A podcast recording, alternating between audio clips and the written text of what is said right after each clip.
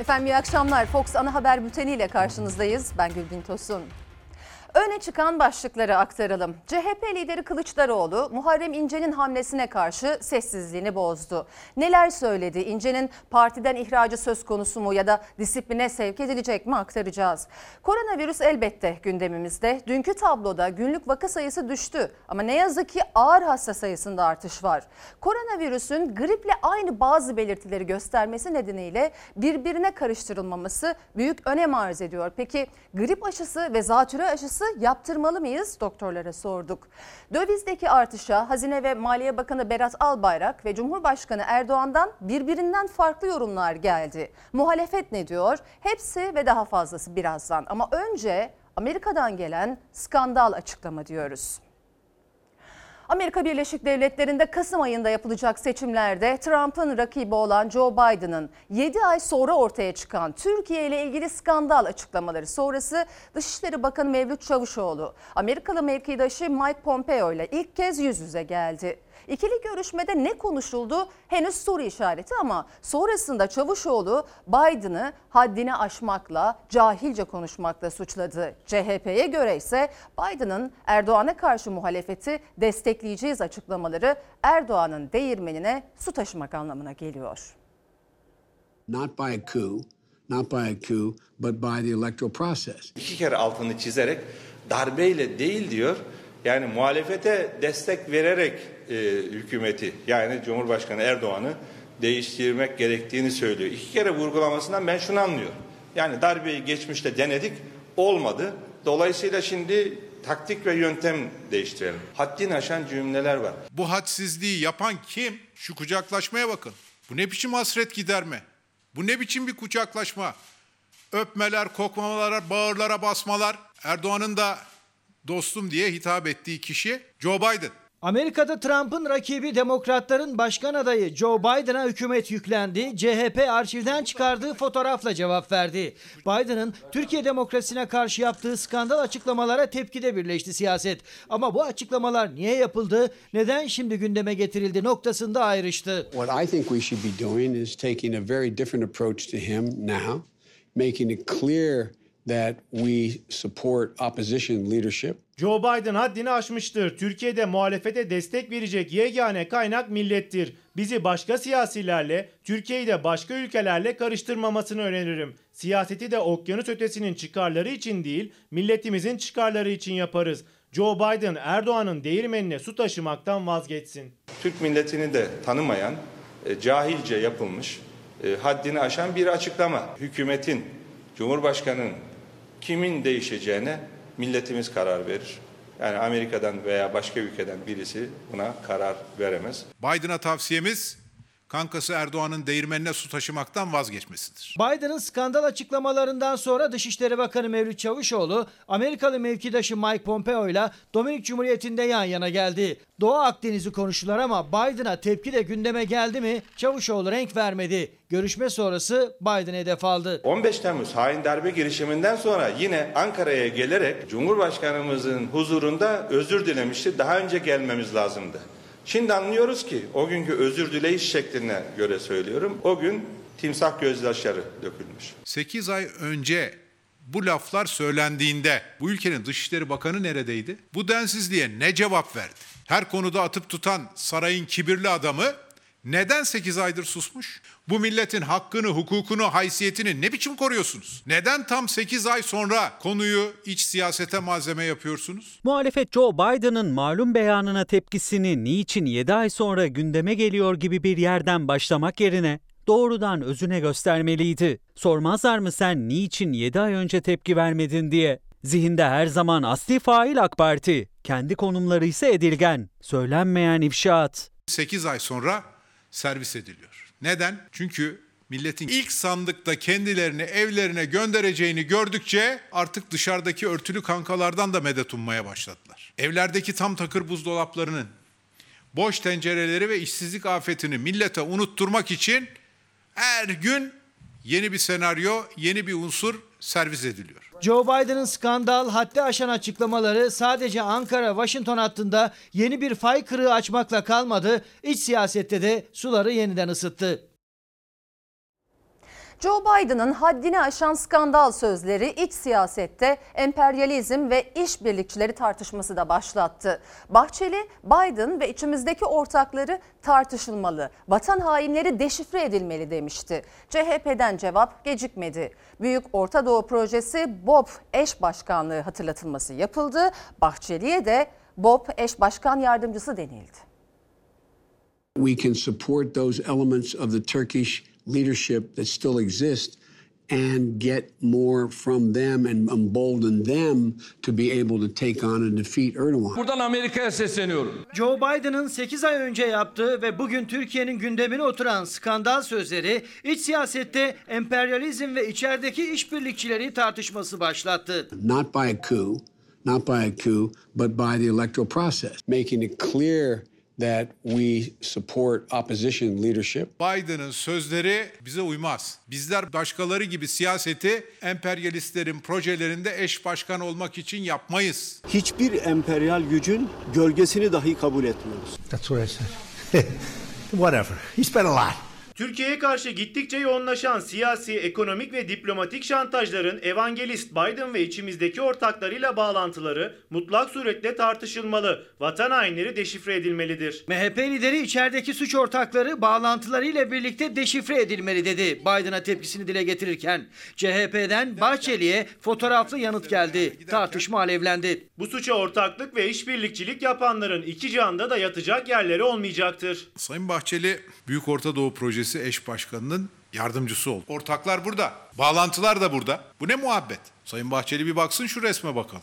Türkiye iyi yönetilmiyor, savruluyor. Sayın Bahçeli de bu savruluşa çok ciddi katkılarda bulunuyor. Türkiye Cumhuriyeti'nin Cumhurbaşkanı Sayın Recep Tayyip Erdoğan'dır. Hükümet seçilmiş ve görevinin başındadır. Bunları devirmeyi düşünmek ve dile getirmek demokrasi husumeti olmakla birlikte aleni bir suçtur. Amerika'ya emperyalistlerin ayağına giderken talihsizlik CHP'nin ABD karşıtı olması diye konuşanlardan biz hiç olmayız. CHP bir kez daha arşivi açtı. Erdoğan'ın 2005 yılında Bush'la görüşmek için Amerika'ya giderken CHP'yi Amerika karşıtlığıyla suçladığı sözleri hatırlattı. Biden'ın sözleri tartışılırken AK Parti iktidarının eski Milli Eğitim Bakanı Hüseyin Çelik'in de sosyal medya hesabından 1 Mart tezkeresi paylaşımı dikkat çekti. Kimi kastetti isim adres vermedi ama 2003 yılında tezkereye evet diyen AK Partililereydi sözleri. Biden'ın sözleri derin Amerika Birleşik Devletleri'nin genetik kodlarının deşifresidir. Amerika Birleşik Devletleri gittiği her yere kan, gözyaşı, yetim çocuklar, dul kadınlar ve harap ülkeler bıraktı.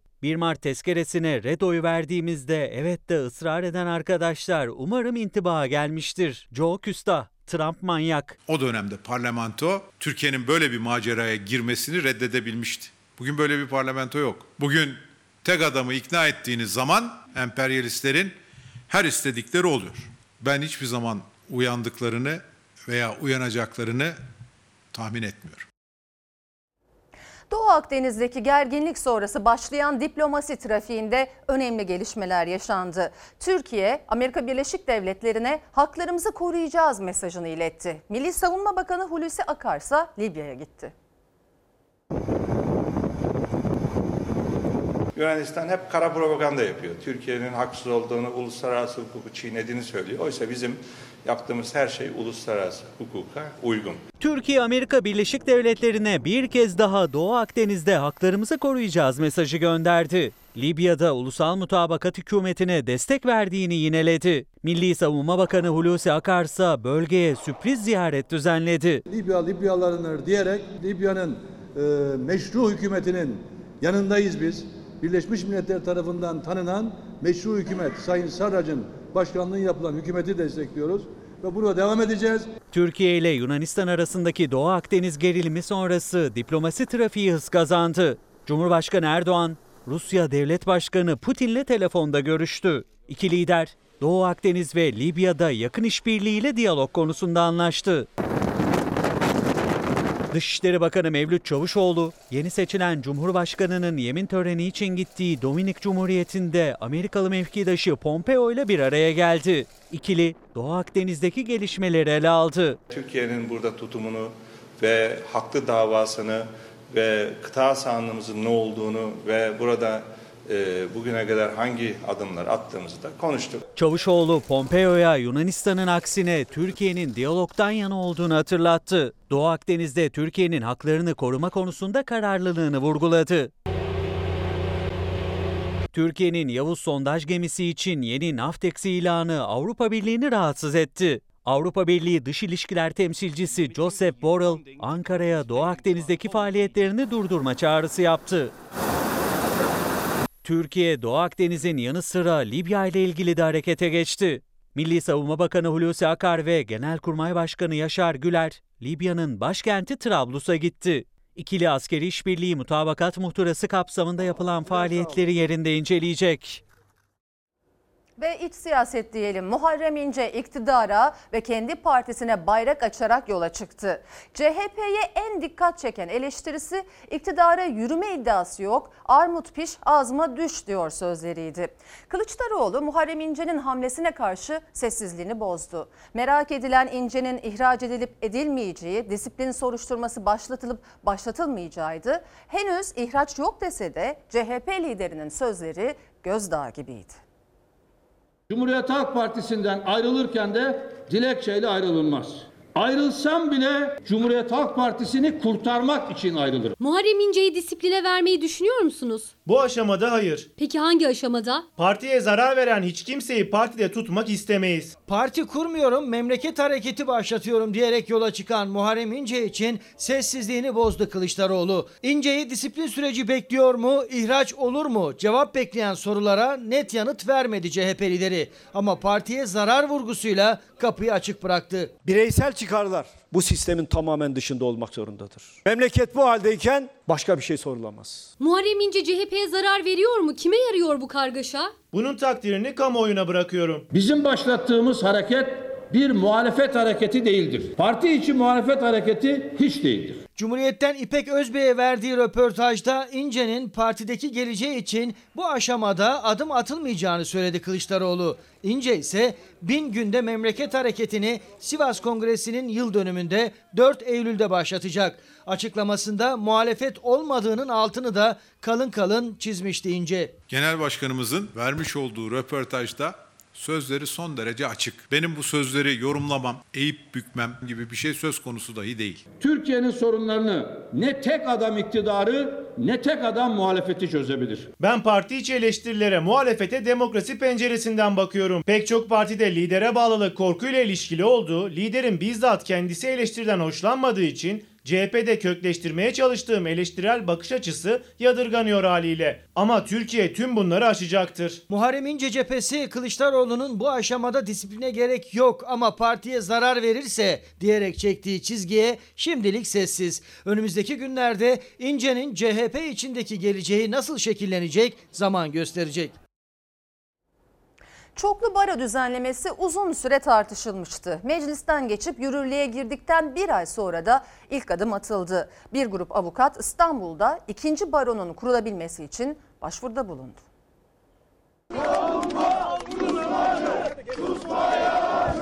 İstanbul İkinoğlu Baro hayırlı uğurlu olsun inşallah.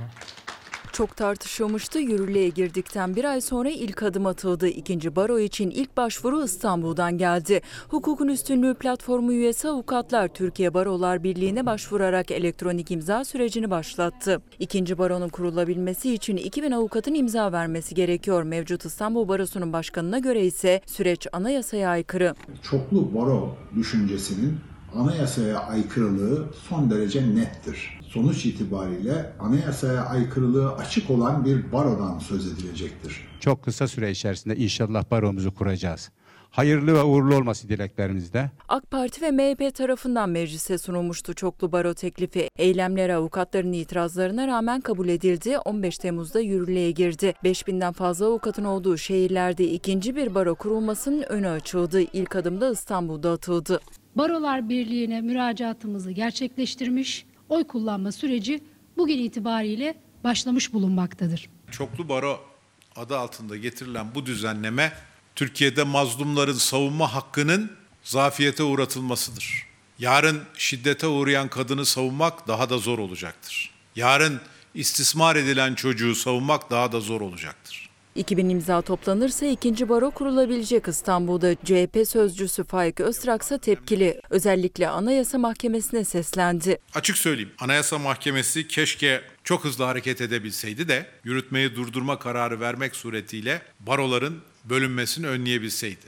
Ama maalesef Anayasa Mahkemesi bu cesareti gösteremedi. Sayın seyirciler Türkiye'nin son koronavirüs tablosunda günlük vaka sayısı azalsa da ağır hasta sayısındaki artış dikkat çekiyor. Üstelik Türk Tabipleri Birliği'ne göre hastanelerdeki yoğunluk da çok arttı. Salgın alarm verirken kurallara ise hala uyulmuyor. Türkiye'de hasta sayısı artıyor, hızla artıyor ve hasta sayısının artmasına bağlı da orantısal olarak ağır hasta sayısı artıyor. Hızla artan ağır hasta sayısı son tabloda 679'a ulaştı. Önceki güne göre bu sayı 11 kişi artmış gibi gözükse de son 24 saatte yaşamını yitiren 19 ağır hastanın da yerine yenileri geldiği düşünülürse durum çok daha vahim. Günde 30 kişi ağır hastaların arasına giriyor. Bir de üstüne üstlük hastanelerde gerçekten yer problemi var şu anda. Çok dolu hastanelerimiz, yoğun bakımlar dolu, sedyelerde entübe hastalar e, yattığına dair bilgiler geliyor bize. Orta ve hafif derecedeki zatürre hastaları bile e, evlerde tedavi edilmeye çalışılıyor. Şu ana kadarki toplam vaka sayımızdan 12.366 kişi halen aktif hasta. Yani virüsü yayma potansiyeline sahip. Yeni vaka sayısı 1192'ye gerilese de Sağlık Bakanı Fahrettin Koca hali hazırda tedavisi süren 12.366 aktif vaka olduğunu açıkladı. Türk Tabipleri Birliği Başkanı Profesör Doktor Sinan Adıyaman'a göre ise çok daha fazla. Toplumda PCR testi ile tanı alanların e, en az e, 10 kat kadar daha fazla aktif vaka bulunduğunu e, açıklıkla belirtebiliriz. Yani sokaklarda dolaşan ve virüs tanısı konulmayan 120 binden fazla hasta var. Aslında vaka artışı Haziran ayındaki normalleşmeyle başladı, bayram tatiliyle iyice fazlalaştı. Yeni normal salgın bitti gibi algılandı. Sağlık Bakanı da bu umursamazlığa sosyal medyadan bir örnek verdi. Yapılan bir paylaşım toplumun bir kesimindeki vurdum duymazlığın kanıtıydı. Asansöre bindim. Hemen peşimden 4 kişilik bir aile girdi asansöre. Maskeleri yoktu. Yanlış anlamazsanız siz sonraki asansöre binebilir misiniz? Maskeniz yok dedim.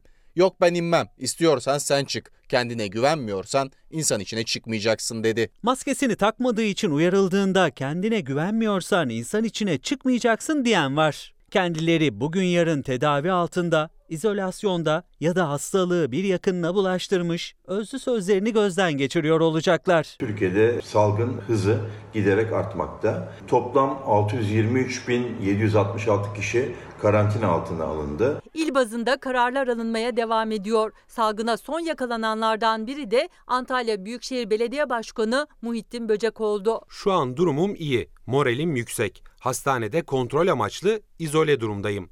Lütfen maske, hijyen ve sosyal mesafe kurallarına uyun. Uzmanların ve hastalığı yaşayanların uyarılarına rağmen kurallara uyan yok. Bursa'da bir kına gecesinde çekilen halay yine koronavirüs tedbirlerini unutturdu. Sosyal mesafe ve maske kuralı hiçe sayıldı. Vaka sayıları artınca özel tedbirlerin getirildiği Diyarbakır'da da önlemler bir kenara itildi. Düğün saatleri sınırlandırıldığı için gelin damat ve akrabaları eğlenceye tarihi köprüde devam etti. Halaylar yine tedbirlere uyulmadan çekildi.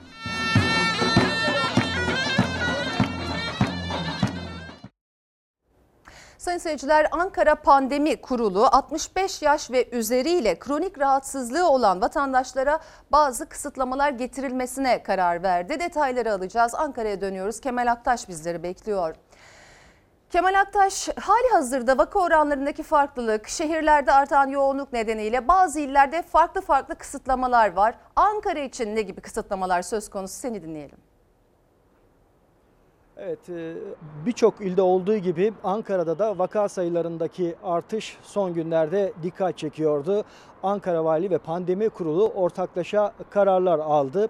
Özellikle 65 yaş ve üstü vatandaşlarla ilgili olarak gün içerisinde e, sokağa çıkma ve dolaşımları, kente dolaşımları ile ilgili sınırlamalar getirildi. 65 yaş ve üstü vatandaşların cenaze, düğün, taziye gibi toplu alanlara girmeleri e, kısıtlanacak. Yine e, trafiğin, kentte trafiğin pik yaptığı, çok trafiğin yoğun olduğu saatlerde e, bu vatandaşların toplu taşıma araçlarını kullanmamaları istendi. 65 yaş ve üstüyle ilgili olarak e, gerçekten dikkat çeken e, tedbirler var. Yine e, taksi, dolmuş ve toplu ulaşım araçlarında şoförle yolcular arasına fiberglass bir malzeme ile bölüm e, oluşturulacak. Böylece e, bölüm oluşturulacak. Yolcularla e, şoför arasındaki temas asgariye indirilmiş olacak. Önlemlerden, tedbirlerden birisi de bu. Sokak düğünlerinde saat sınırlaması getirildi. 2 saatle sınırlandırıldı sokak düğünleri. Yine toplu yemeklerse yasaklandı başkent Ankara'da. Dediğimiz gibi 65 yaş ve üstü vatandaşlarla ilgili olarak bildiğimiz gibi e, saat sabah saat 10 ile akşam 20 e, arasında sokağa çıkmaları se- serbest bırakılmıştı. Fakat şimdi o trafikleri e, sokaktaki e, dolaşımları sınırlandırıldı. Peki bu alınan tedbirler, yasaklar nasıl denetlenecek? Mahalle denetim ekipleri oluşturulacak. Bu denetim ekiplerinde kimler olacak? Yerel yönetimler ve kamu kurum kuruluşlarının kolluk kuvvetlerinin yanı sıra yardımcı e, e, personel ya da e, e, kişilerde olacak. Okul müdürleri, öğretmenler, din görevlileri, muhtarlar, apartman yöneticileri e, de yine bu mahalle denetim ekiplerinin içinde yer alacak bir anlamda denetimler daha da birebir anlamda sıklaştırılmış olacak Gürbin Tosun. Peki Kemal Aktaş çok teşekkürler. Koronavirüs gündemiyle biz devam ediyoruz. 25 yaşındaki Kübra Aslan Kılıç koronavirüsü yenip görevinin başına döndü ama genç hemşirenin yaşadıkları diğer hastalardan farklıydı. Aslan Kılıç sadece koku alma duyusunu kaybetmedi. Geçici görme kaybı da yaşadı.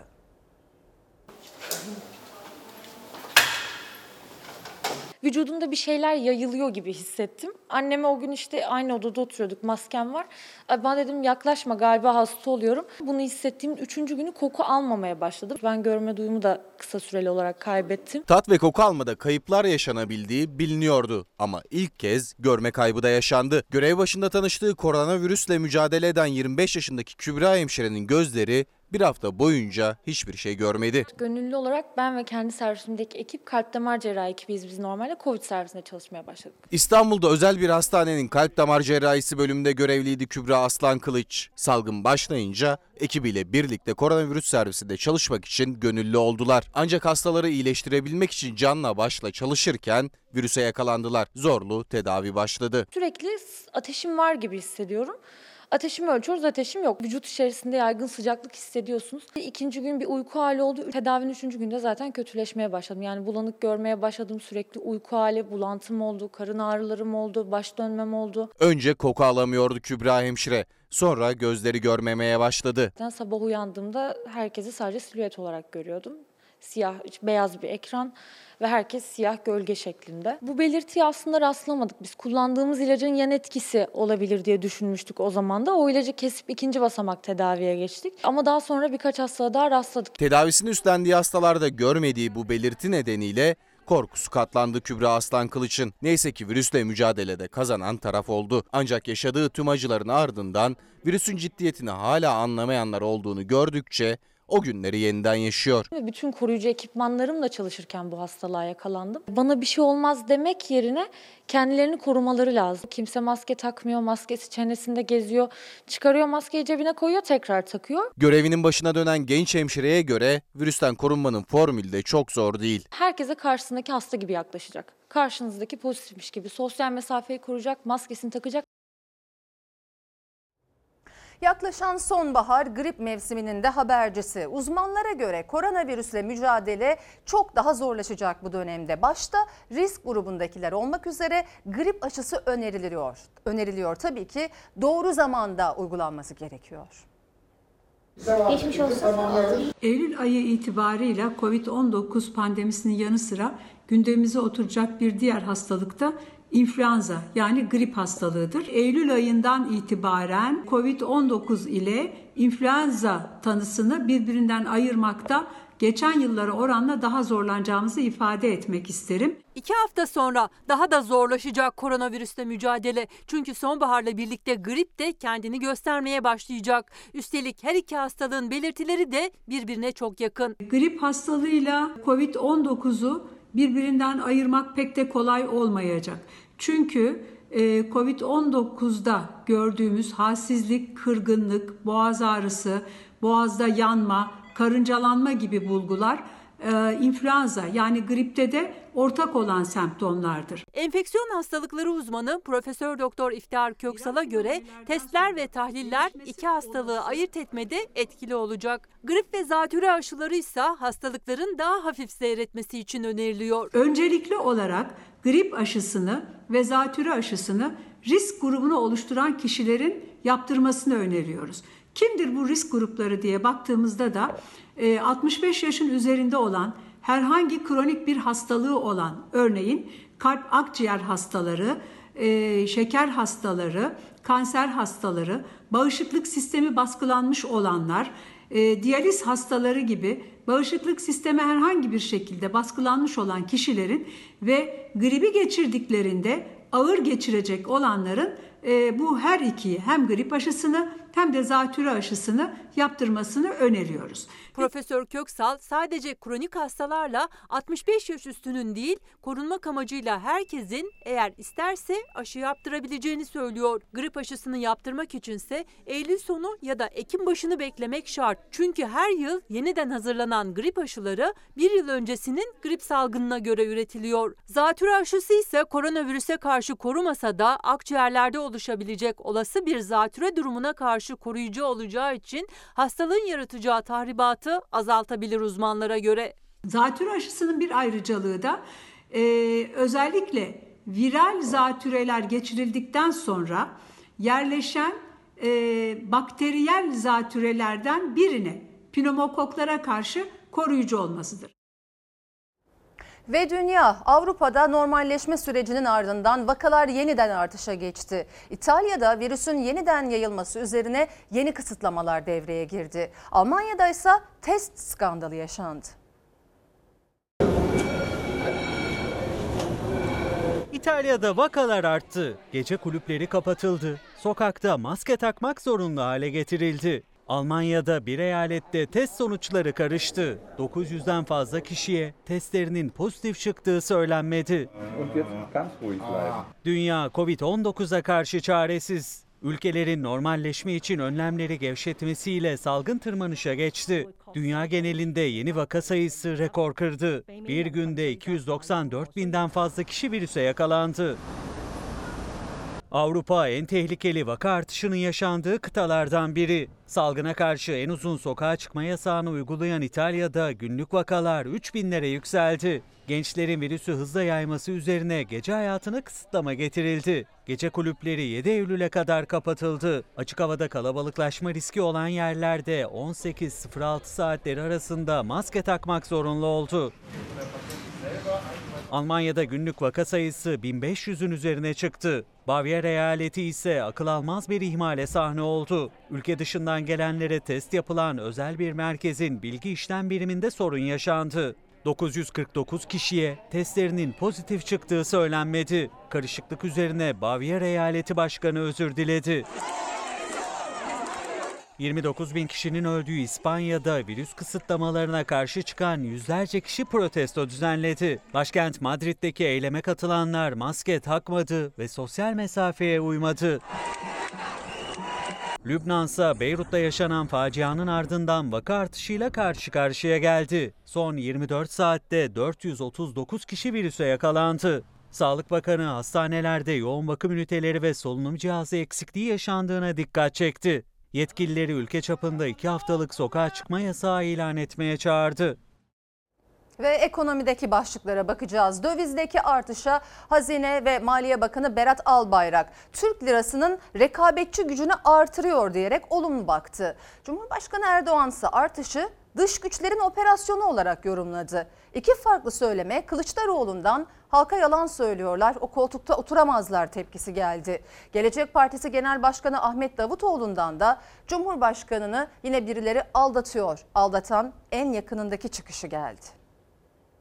Yeni ataklar değil, aynı operasyonları bize dışarıdan yaptılar. Önemli olan kurun seviyesi değil, rekabetçi olup olmamasıdır. Düne kadar Türk lirası karşısında dolar değer kazandıkça bunu dış güçler yapıyor diyorlardı. Bugün tam tersini söylüyorlar. Dolar değer kazansın, Türk lirası değer kaybetsin. Bu bizim işimize gelir diye düşünüyorlar. Halka yalan söylüyorlar. Yahu Allah aşkına. Siz önce aranızda oturup bir konuşun. İster kabinede, ister aile meclisinde ve bir anlaşın. Türkiye'nin gündemi yükselen döviz kuru. Siyasetin de sıcak başlığı. Cumhurbaşkanı Erdoğan kur artışı için dış güçlerin operasyonu vurgusunu yaparken Bakan Albayrak döviz artışı önemli değil. Önemli olan Türk lirasının ihracatta ve turizmde rekabetçi olabilmesi dedi. İki farklı açıklama muhalefeti konuşturdu. Geçtiğimiz haftalarda döviz kuru üzerinden bir kez daha ekonomimize saldıranlar geçmişte defalarca oynadıkları bir oyunu tekrar tedavüle sokmaya çalıştılar. Devleti yöneten bir aile millete yalan söylüyorsa o koltukta oturamaz. Yahu daha düne kadar siz dış güçler operasyon yapıyor diyordunuz.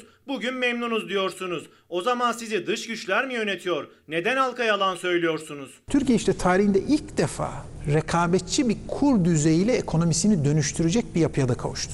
İyi olan ne varsa onlardan, kötü olan ne varsa dış güçlerden. Ekonomi tepe taklak giderken sarayın sosyete damadı gülücükler eşliğinde çokomelli mi iyi, pufkek mi daha iyi polemiklerine giriyor. Berat Albayrak dövizdeki yükseliş Türk lirasını cazip hale getirdi derken Türk lirasının değer kaybını olumsuz görmediğini, Türk lirasının artık rekabetçi olduğunu söyledi.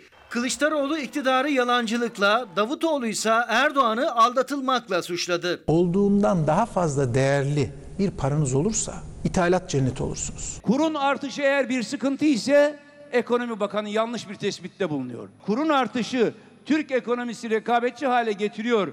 Dolayısıyla iyi bir şeyse Cumhurbaşkanı yanlış biliyor, yanlış yönlendiriliyor. Yine birileri aldatıyor herhalde. Belki de aldatan en yakınındadır, onlara bakması lazım. Bugün kur çıkar, yarın iner. Yarın çıkar, öbür gün iner. Hazine Maliye Bakanı kuru asansör mü zannediyor? Bu kur Türk lirasının onurudur, Türk lirasının. Rahat olun. Bazı zamanda tırmanışlar, bazen inişler biliyorsunuz şöyle yılbaşı itibariyle 10 liradan falan bahsediyoruz. Ama iş nerelere geldi?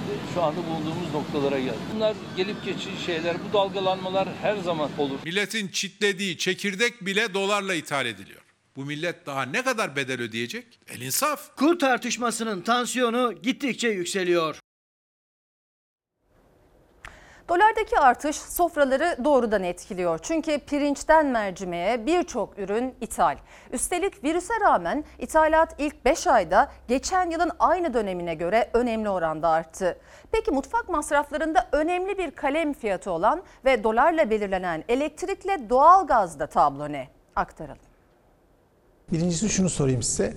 Dolarla mı maaş alıyorsunuz? Maaşlarımızı dolar üzerinden almıyoruz ama mutfak alışverişimizi de e, ithal ettiğimiz şeylerden alıyoruz. Şahsen benim mutfağım yangın yeri şu anda geçinemiyorum. Burada sorun e, dolar kazanmıyor olmamız. İthalatın yüksek olması döviz kurlarındaki artışın vatandaşın hayatına artan fiyatlar ve maliyet olarak yansımasına yol açmaktadır. Başında gıda ürünleri geliyor. Doların artışı tabii ki hayatı felç etti. Doların ateşi sofraları yakıyor. İthalat yüksek gıda fiyatlarına çözüm olarak sunuluyor ama yükselen döviz kuru ithal ürününde fiyatını artırdı. Yani dolarla borcum kiram yok diyen bile dolardaki yükselişten etkileniyor. 100 liranın gelim aha geldim hiçbir şey alamadım Angür. Yetmedi bile. Dolar Mart ayında 6 lira 11 kuruştu ama çok değil tam 5 ay sonra 7 lira 30 kuruşla tarihi zirveleri gördü. Ve tüketici işte bu artışı doğrudan mutfağında hissetti. Çünkü birçok gıda ürünü ithal ediyoruz. Örneğin mercimek Mart ayında 5 liraydı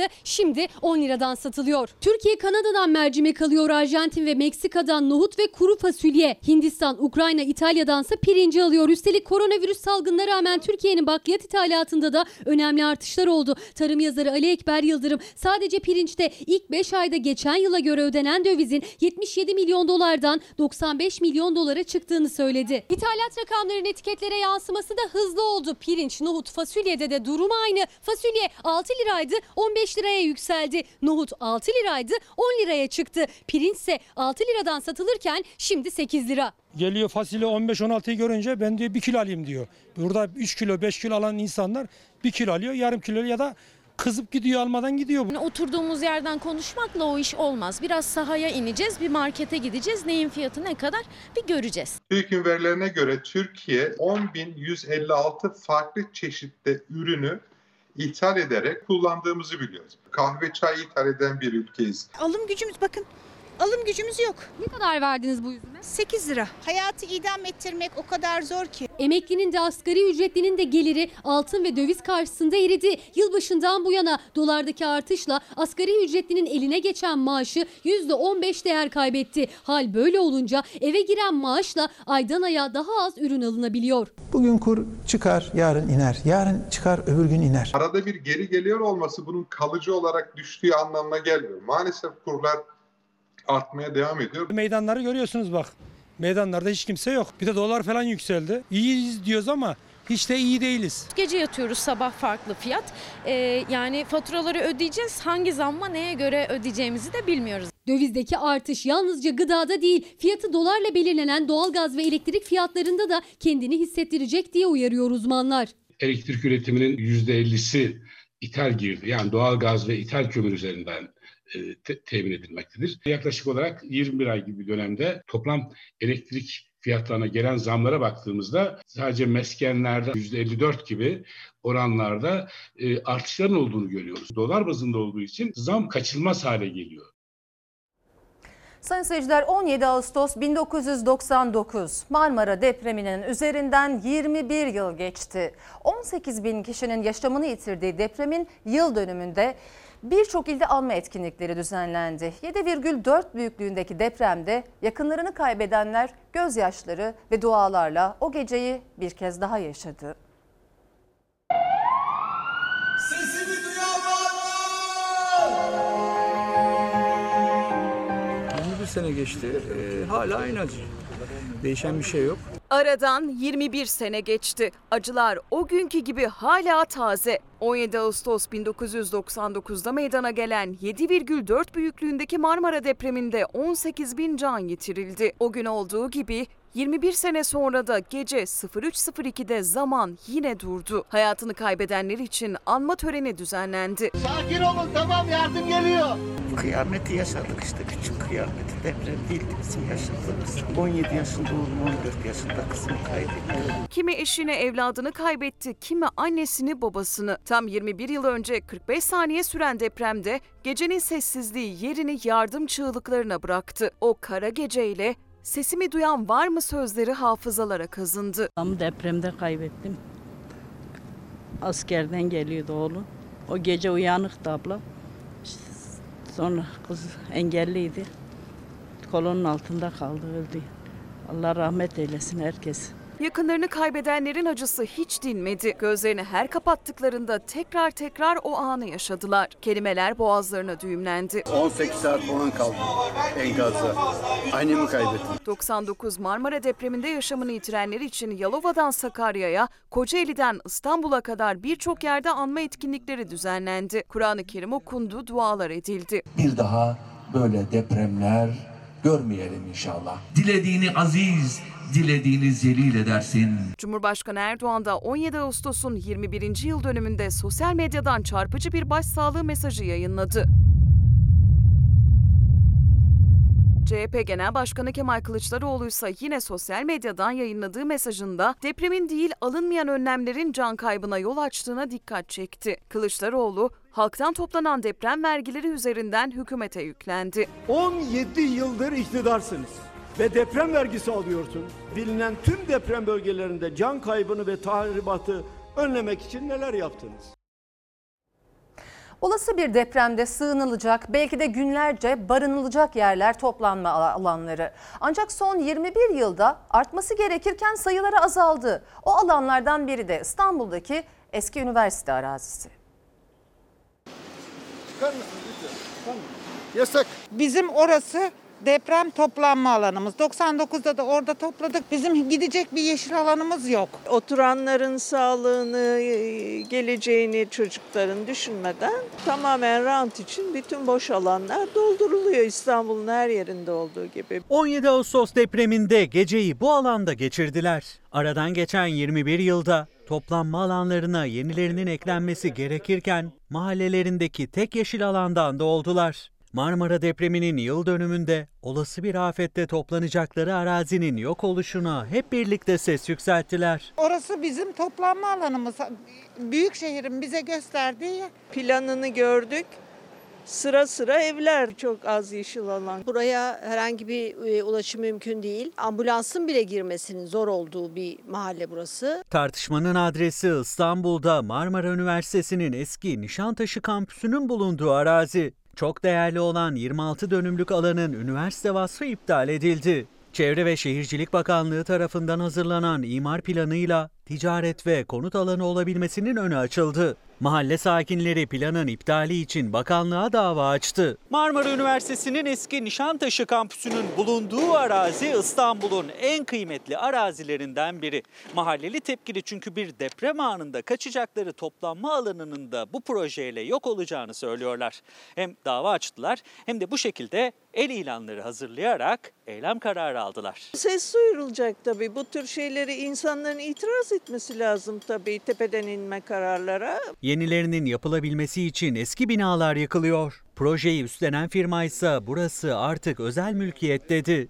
Deprem toplanma alanı yok ediliyor iddiası var. Ne dersiniz firma olarak? Burası konut alanı. 2017'den beri imar planı yapılmış bir alan. Bir deprem toplanma alanı. Resmi olarak böyle bir alan söz konusu değil. Kuş bakışı bakıldığı zaman mezarlıkların haricinde hiçbir yeşil alan, boş alan kalmadı. Bugün geldiğimiz nokta 496 deprem toplanma alanından 77 adedinin kaldığını biliyoruz. Sadece bu arazi değil, İstanbul'da birçok deprem toplanma alanının yıllar içinde yok olduğunu rakamlarla anlattı. İnşaat Mühendisleri Odası İstanbul Şube Başkanı Nusret Suna harita üzerinden örnekler verdi. AFAD'ın hazırlamış olduğu bir harita. Ben bu haritayı 2015 senesinde AFAD'ın sisteminden indirdim ama şimdi bunu göremiyoruz. Diyor ki şu binaların olduğu yerler zamanında toplanma yeri idi. Buradan ben okuyorum bakın. Çağlayan Adliyesi'nin olduğu yer deprem barınma alanıymış. AFAD'a göre ise İstanbul'da 3000'e yakın toplanma alanı var. Ancak Nusret Suna olası bir depremde o alanların barınma için kullanılamayacağı görüşünde. Şimdi bizim önümüze konan 2850 adet toplanma alanı ayakta duracağımız yerlerdir. Barınacağımız yerler maalesef natamam hazır değil. Geçen sene Eylül ayında İstanbul Silivri'de 5,8 büyüklüğünde bir deprem meydana gelmiş. O depremin ardından bazı okullarda hasar tespit edilmişti. Sultan Gazi'deki bir ilkokulda onlardan biri. Öğrenciler geçen yıl evlerinden uzak okullarda eğitim görmek zorunda kaldı. Üstelik aradan geçen 11 ayda o okula tek çivi dahi çakılmadı. Silivri'deki deprem sonrası birçok okulda hasar tespit çalışması yapıldı. Bu sene falan yapılacak dediler. Geçen sene deprem olduğunda hemen yapacağız bir ay sonra dediler. İşte bir yıl sonra dediler. Hiçbir çivi bile çakılmamış. 5,8'lik Silivri depreminde hasar gören okullardan sadece biri bu. Okul hemen yenilenecek denildi. Öğrenciler uzaktan eğitime kadar başka okullara yönlendirildi. Aradan geçen 11 ayda ise tek bir çivi çakılmadı okula. Eğitim sene göre güçlendirme ihalesi bile henüz yapılmadı. Hasar e, raporunun çıkmasına ve okulun taşınmasına rağmen bir yıldır herhangi bir iha- ihale de yapılmamış olmakla beraber önümüzdeki Eylül ayında ihalenin yapılacağı ve ondan sonra e, tadilat sürecinin başlayacağına yönelik bir e, bilgi var bizde. Eylül 2019'da 5,8 büyüklüğündeki depremle sarsıldı İstanbul. Birçok okul sarsıntının etkisiyle hasar aldı. Onlardan biri de Sultan Gazi'deki İstiklal İlkokulu. Depremden hemen sonra boşaltıldı. Öğrenciler evlerinden uzak başka okullarda eğitim görmeye başladı. Biraz kendim götürüp getirdim ama ondan sonra baktık olmuyor, kış geliyor. Kendiniz neyle götürüp getirdiniz? Yürüyerek götürüp getirdim, arabam yok. Ne kadar mesafede? Sekiz evlerde. Bayağı var yani yürüyerek şimdi gelsem yarım saate gidip geliyorum ben. Yarım saat. Yarım saate gidiyorum ben. Yani. Kışın ne oluyor? So zor olduğu için mecbur servise verdik. Boğazımızdan kesti servise verdik. Hoca aradı dedi çocuklara üst getirin çocuklar sırılsıklam. Rezillikti yağmur yağış artık bir gün ben ağladım. Bu çocuğun elinden tuttum. Eve gelene kadar ağladım yemin ederim. O günden bugüne 11 ayda hasar giderilmedi. Hatta bazı öğrenciler bu yıl için daha uzak okullara yönlendirildi. Yani görünen o ki okullar iki hafta sonra açılsaydı virüs döneminde öğrenciler yürüyerek gelebilecekleri okula değil ancak toplu taşımayı kullanarak ulaşabilecekleri okula gitmek zorunda kalacaklardı. Başka bir okula diyorlar şimdi de. Belki yarı yıldan sonra buraya gelebilirmiş. Okul nerede? Çok uzak. Tam yerini bilmiyorum ben ama. Zaten bizim çalışanımız yok. Bir tek benim eşimin aileyle geçiniyorum ben. Servis bana oraya kaç liraya götürecek servis bana? 21 Eylül'e kadar okulun güçlendirileceğine dair bir umudu yok velilerin. Salgın döneminde çocuklarını uzaktaki okullara nasıl götüreceklerini kara kara düşünüyorlar. Şuradan ben camdan bakıyordum benim çocuğum orada buradan giriyordu kapıdan. Burada mı oturuyorsun? Ben şurada oturuyorum evet. Normalde hemen buradan balkondan bakarak gördün. Evet çok iyi oluyor diyor. Ne kadar mesafede diğer okul? Baya var. Yani 8 evlerin orada baya uzak. Okul yani benim şu an ikizlerim buradan oraya gitmesi imkansız. Yürüyerek gidip gelemezler yani. Şimdi ara zaman. Efendim Fox ana haber bültenini burada noktalıyoruz. Fox'ta yayın Yaparsın Aşkım'ın yeni bölümüyle devam edecek. İyi bir akşam geçirmenizi diliyoruz. Hoşçakalın. Can feda bir tek dostuma Her köşesi cennetin ezilir yerler için bir başkadır benim memleketim. Lay lay lay.